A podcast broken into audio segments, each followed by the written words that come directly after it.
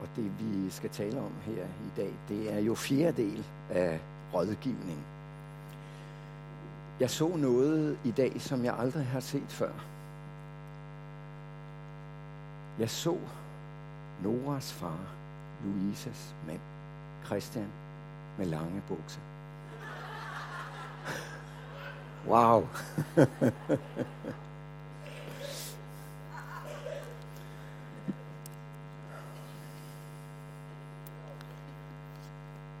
Det er også koldt. Og de siger, at det bliver koldere endnu. Uh, I ordsprogene, kapitel 10, står der ordsprog af Salomo. Uh, og så står der i vers 17, den, der vogter på formaningen, viser vej til livet. Den, der svigter retledningen, leder. Og i vers 21, den retfærdiges læber er hyrde for mange. Og det, øh, det tror jeg har noget med rådgivning og sjælesorg at gøre. Rådgivning, sjælesorg, er en del af Guds riges komme på jord. På den måde er det også en form for hyrdetjeneste, en håndsrækning til at høre, tro og tage imod Guds rige. Og lade det komme og være en virkelighed i ens liv og igennem ens liv. Og så når vi tænker på kristen rådgivning og sjælesorg. Vi har jo allerede hørt meget fra Jørgen de øh, første tre gange. Jeg tror, en del af mit øh, siger det samme med andre ord, og måske er der noget, der, der siger noget, der ikke er blevet sagt endnu. Øh, ligesom næste gang Jørgen kommer på, så kommer der endnu mere nyt, tror jeg. Kristen sjælesorg forudsætter for mig at se, at sjælesørgeren har en sund teologi. Og det vil ikke mindst sige et sundt Guds billede. Øhm, desuden, at sjælesørgeren har en sund antropologi, altså et korrekt menneskesyn, et menneskesyn, der er i overensstemmelse med virkeligheden og med Bibelen. Og der tror jeg, for at det kan være muligt, begge dele, så tror jeg, at det også er en forudsætning, at den kristne sjælesørger er født på ny. Uden at være født af ånden ovenfra, kan man jo ikke komme ind i Guds rige, siger Jesus himself. Uh, man kan selvfølgelig heller ikke lede andre i det. Uh, et sjældent menneske forstår ikke det åndelige. Og så er det jo, man kan spørge, jamen er der da ikke rigtig mange dygtige rådgivere, også øh, en, en art sjælesørgere, som ikke er kristne? Og svaret er jo, der er mange. Øhm, og nogen er måske dygtigere end de fleste kristne sjælesørgere. De kan sige rigtig meget om livet som menneske. Rigtig, rigtig meget som også er sandt.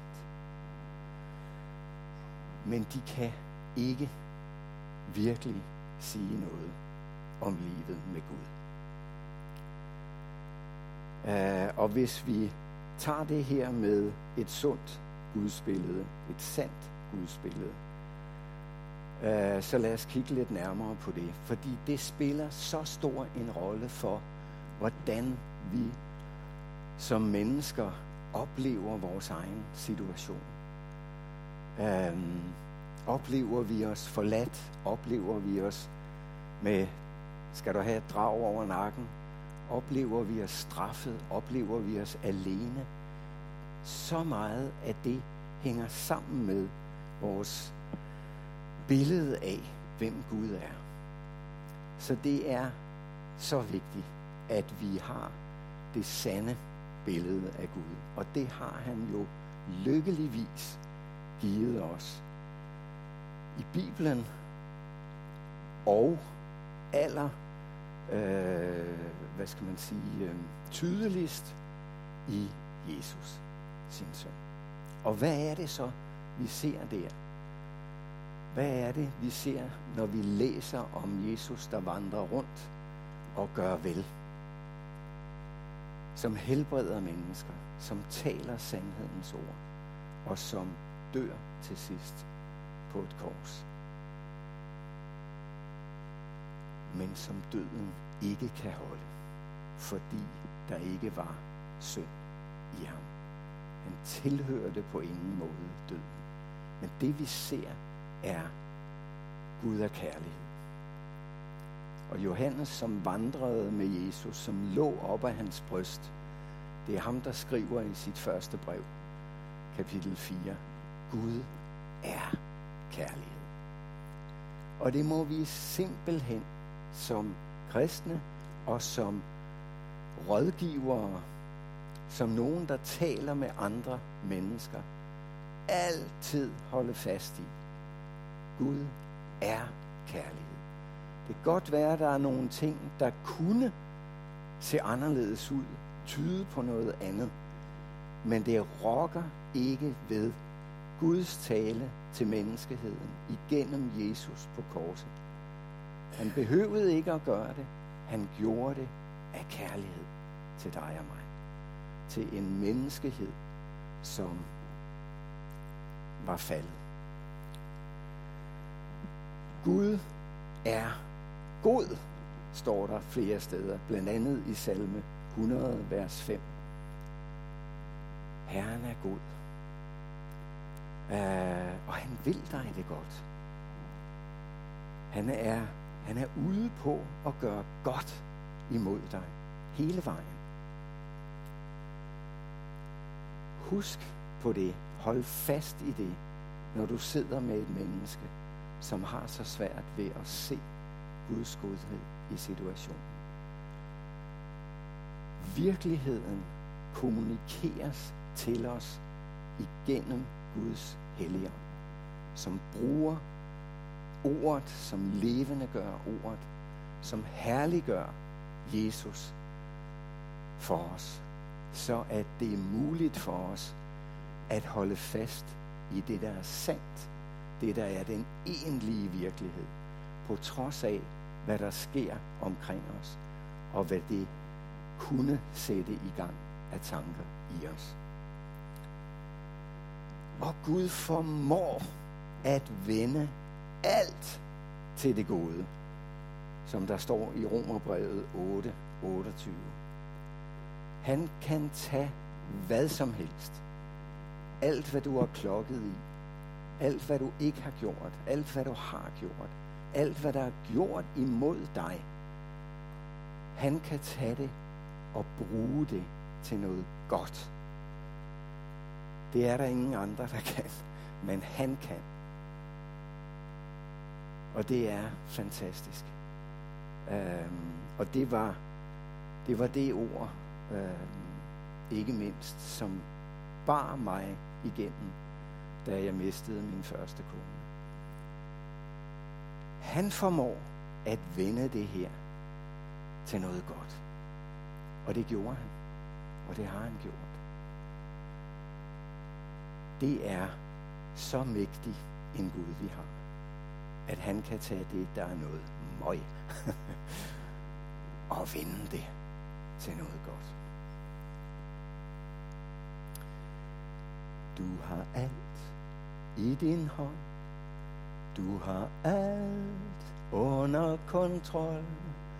Og når jeg dig priser, jeg ser, hvem du virkelig er. Og når jeg dig priser, jeg ser, hvem du virkelig er. Og også derfor er lovsangen så vigtig.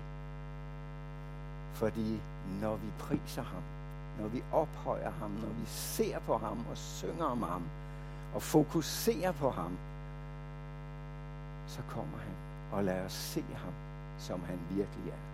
Og det er det, vi har brug for. At se ham, som han virkelig er. Og vandre i den vidsthed. Gud er også hellig. Det er en del af det sande Guds billede. Han kan ikke forlige sig med synd. Men tænk, at så hellig en Gud, som vidderligt har så voldsom i, i på grund af hele hans væsen en reaktion på synd, at det svarer nogenlunde til vores, hvis der kommer gift ind, og vi åh, ikke kan knække os hurtigt nok for at få giften ud. At sådan en hellig Gud, der ikke kan forlige sig med synd, han har banet en vej til at forlige sig med synderen. Og det, det er vores frelse.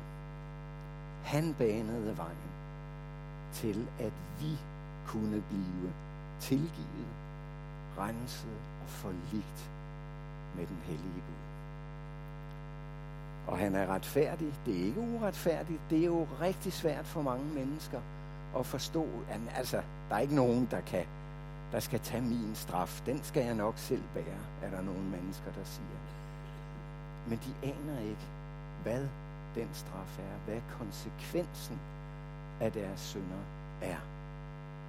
Øhm, men det er ikke uretfærdigt, at Gud lader dig komme ind til ham, fordi der var jo en anden, der bar straffen. Jesus gik i stedet for dig. Og, og det står faktisk i Romerbrevet kapitel 3, vers 25 og 26, at han er retfærdig, når han retfærdiggør den, der tror på Jesus. Det er et udslag af Guds retfærdighed. Der er intet uretfærdigt i det, for der er ikke noget uretfærdigt i Gud. Så vi bliver nødt til at pakke vores menneskelige øh, tanker om, øh, at det altid er noget for noget, og jeg må selv stå til ansvar for det, jeg har gjort. Det kan du ikke. Eller det bliver forfærdeligt at gøre det. Men det er retfærdigt, fordi en anden har båret straffen for dig. Derfor kan du gå fri, hvis du tror det og vil tage imod det. Og så kunne man sige mange andre ting om Gud. Gud er glad, og han ønsker at dele sin glæde med dig. Han inviterer os ind i treenighedens dans. Wow. Øhm. Og Gud er jo relation. Og det er vi nødt til at have med, øh, som Jørgen også har peget på. Det er fader, søn og helligånd i den fuldkommende enhed. Den fuldkommende, det fuldkommende kærlighedsforhold, hvor alt er på plads, øh, og hvor glæden er enorm. Og ud af den relation, ud af den glæde, der besluttede Gud at skabe. Øhm, det havde han ikke behøvet som jeg har sagt før, han sad ikke i ensomhed og tænkte, jeg må skabe nogen, der kan være sammen med mig. Han var fuldstændig glad, tilfreds i sig selv. Men det passede ham at skabe ud af sin overflod, ud af den han er. Og så skabte han jo hele skaberværket og sluttede med os mennesker. Og der går vi over til menneskesynet. Hvad er det for et syn, vi har på hinanden og på os? Ja, det, det sunde menneskesyn, vil jeg våge at påstå, det er for det første, vi er skabt i Guds billede. Vi er skabt til at ligne ham. På den måde adskiller vi os fra resten af skabningen. Og det indebærer, at vi er skabt til relation. Gud er relation. Når vi er skabt i hans billede, så er vi skabt faktisk ud af relation og til relation. Uh, ingen af os kan det her med at kun være os selv, og det er slet ikke meningen heller. Selvom man nogle gange kan få det indtryk, at vi skal være så stærke, vi skal kunne selv, vi må ikke vise svaghed, vi må ikke vise, at vi har brug for andre. Men hele vores liv er blevet til i relation. Vi er blevet så meget af dem, vi er igennem relationerne i vores opvækst.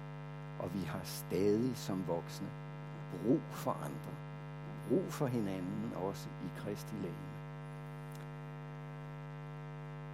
Vi kan være kreative. Vi har muligheden for at vælge den rette færd. Det havde i hvert fald Adam og Eva. Men så kom søndefaldet. De valgte forkert. Hvordan kan det være, at de, var, øh, de, de kunne vælge forkert? Selvfølgelig fordi de havde en valgmulighed. Men jo også fordi Guds modstander, djævlen, sagde til dem, så god er Gud nu altså heller ikke. Alt det der med, at han har sagt, øh, hvad I må spise af og så videre, og hvorfor, øh, at I skulle komme til at dø. Hvis I spiste af, af det der træ, nej, nej.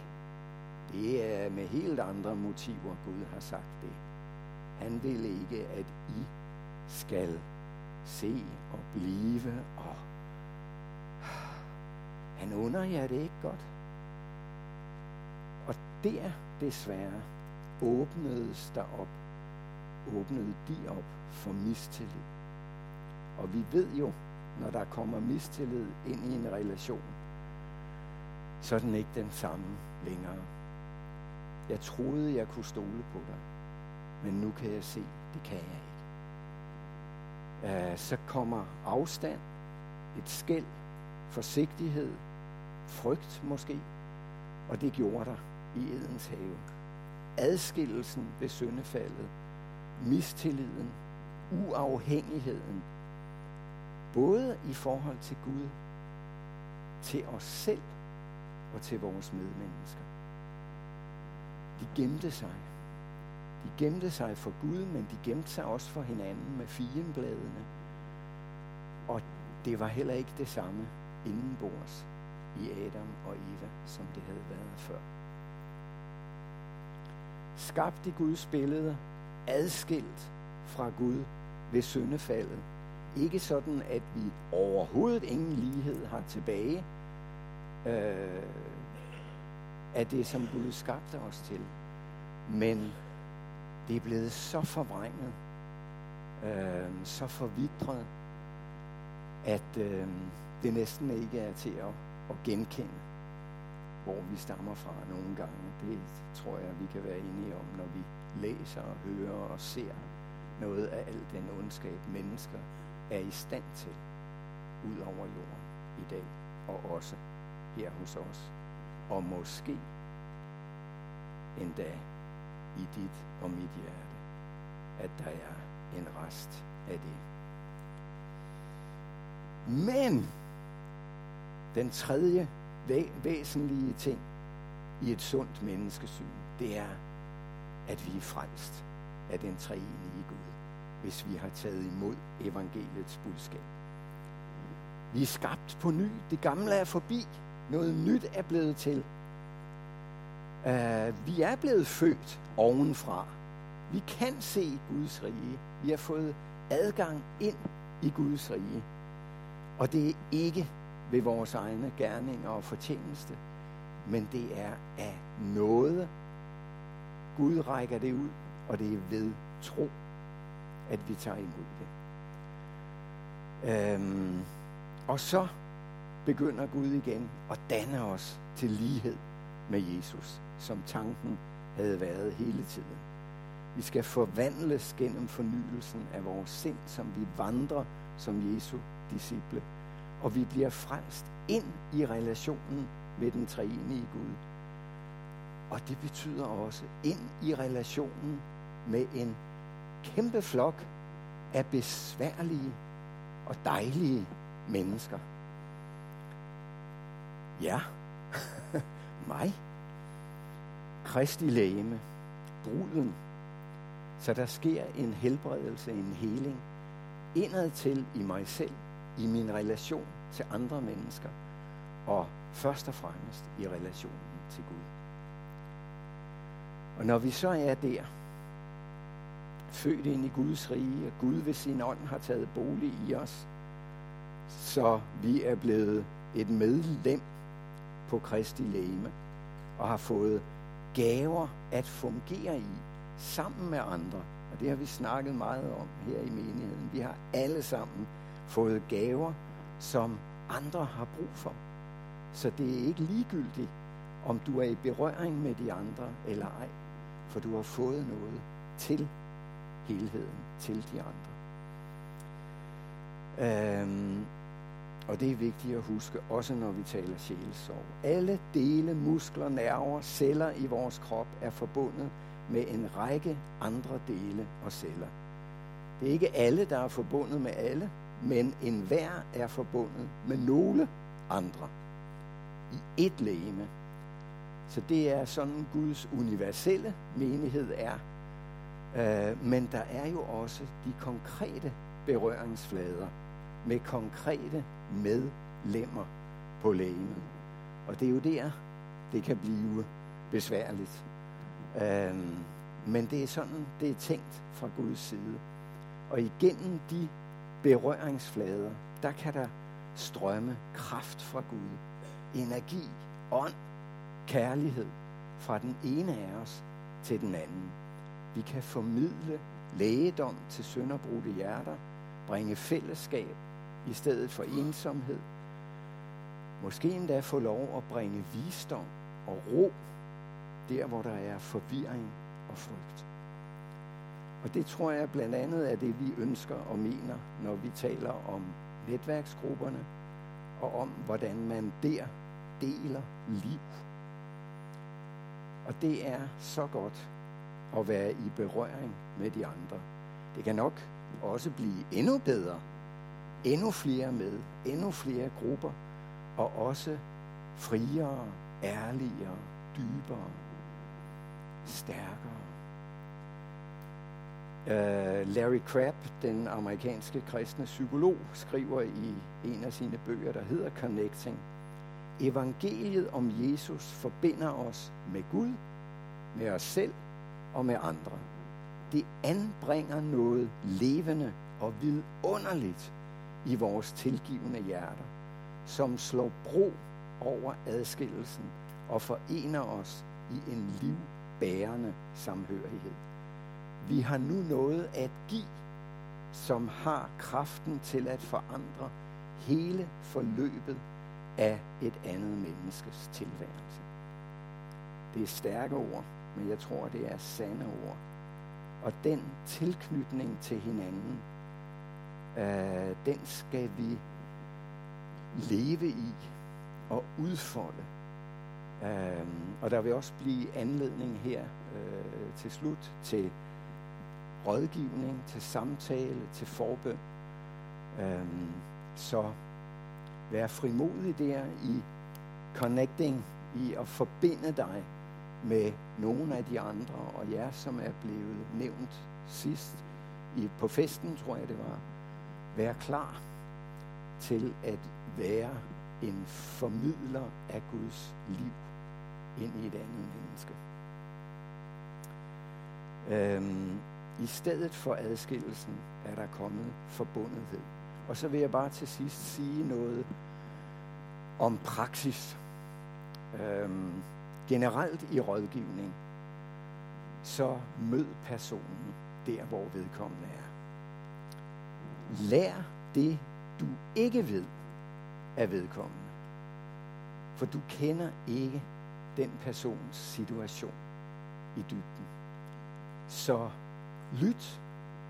Erkend, at der er noget, du ikke ved, som du er nødt til at få at vide, for, for at du virkelig kan gøre gavn. Med mindre selvfølgelig Gud giver en, en åbenbaring og giver det direkte ved Helligånden.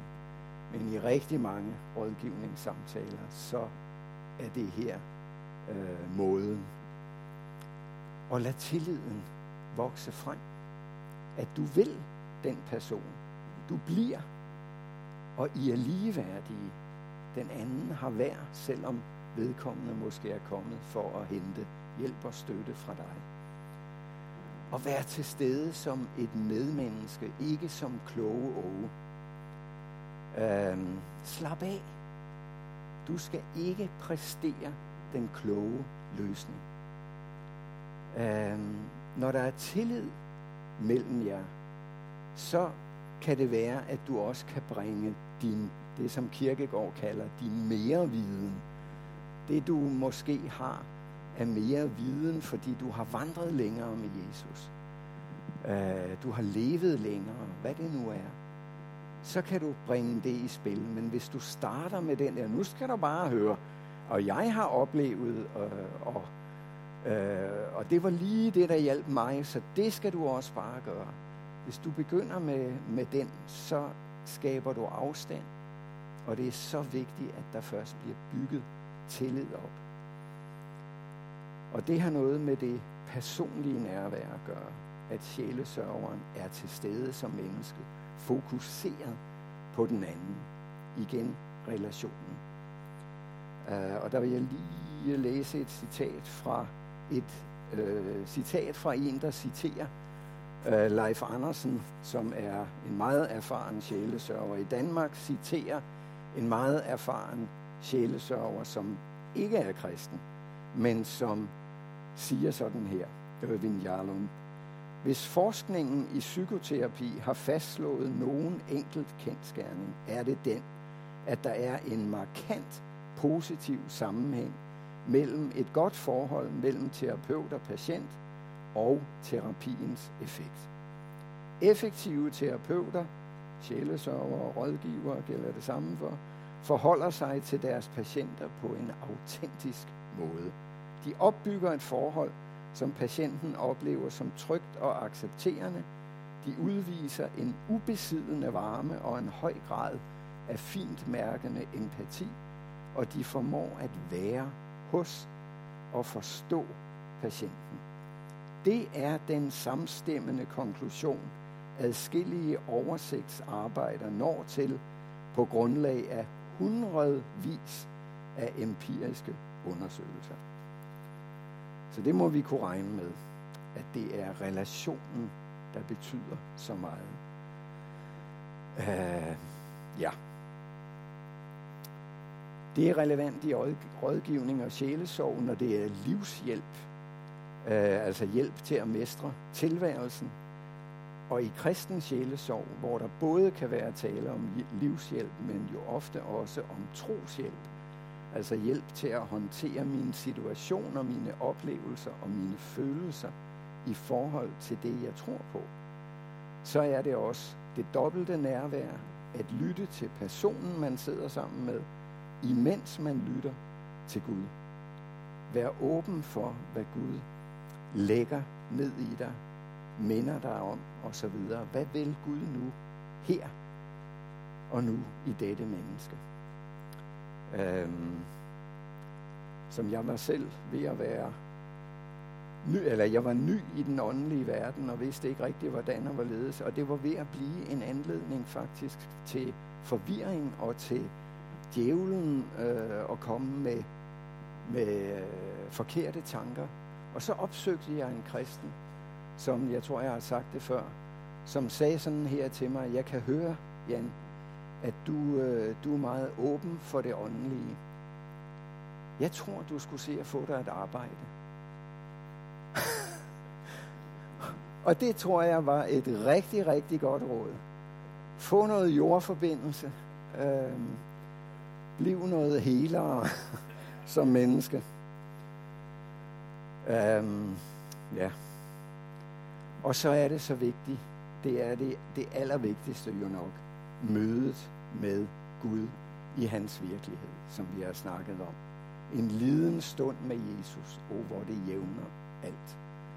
Eller som i O Herre Krist her, hvor der også var et rigtigt sjælesover-vers om Guds omsorg. At træde ind i og formidle Guds nærvær til den person, man sidder sammen med. Og det er faktisk noget af det, der sker, når der lyder et profetisk ord i en gudstjeneste til en enkelt person, nogle gange til, til en flok. Men hvis man genkender sig selv i det, der bliver sagt. Wow! Gud kender lille mig. Han ved præcis, hvordan jeg har det. Hvilken situation jeg befinder mig i.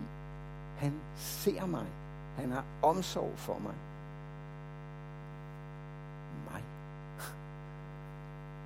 Øhm, og der siger Leif Andersen et andet sted, og dette at blive set, blive betragtet med anerkendelse og respekt, er ganske enkelt den mest identitetsdannende og lægende oplevelse, der kan tænkes. Det er både sjælesorgens stærkeste instrument og selve det mål, den arbejder hen imod at blive set af Gud, at vide sig set af Gud, og se sig selv med det blik.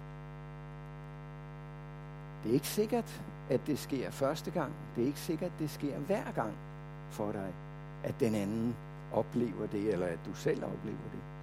Det er også i orden. Ingen panik. Ikke nogen præstationsjag. Bed, vær til stede Lyt. Lyt til Herren. Han elsker dig, og han elsker den, du sidder med, som I er. Og han vil jer det godt. Det er det sande Guds billede. Og der er brug for hjælp. Der er brug for, at vi tilegner os frelsen i Kristus ved tro. Og der kan vi nogle gange have brug for at vende ting med hinanden og knytte sammen, modtage, give til hinanden, for at vi kan blive Kristus lig. Virkelig mere og mere. Være som ham i den her verden. Det er noget af det, som jeg tror er sjælesorg og rød. Så har jeg bedt om, at der bliver sat en øh, sang på, som jeg hørte sidste søndag et andet sted, som er skrevet af Hanne Winsten og bliver sunget af hende. Og mens den lyder, så vil jeg bede jer, som er udpeget til at bede og tale med andre mennesker, om at trække derover af, og jer, som gerne vil tale med et andet menneske, øh, lige få den der tilknytning til en anden person, som også tror på Jesus. Og blive bedt med, eller snakke med, eller hvordan du nu ønsker at gøre det, så vil vi i hvert fald gerne give mulighed for det. Ingen tvang, ingen pligt, men på den anden side, hvis du har brug for det, så vil det måske være lidt dumt ikke at gøre det. Uh, og det er en sang, som, uh, som hedder Troværdige og Sande Ord og som starter der, hvor rigtig meget rådgivning starter. For alle, som tørster. For alle, som længes. Der siger Jesus.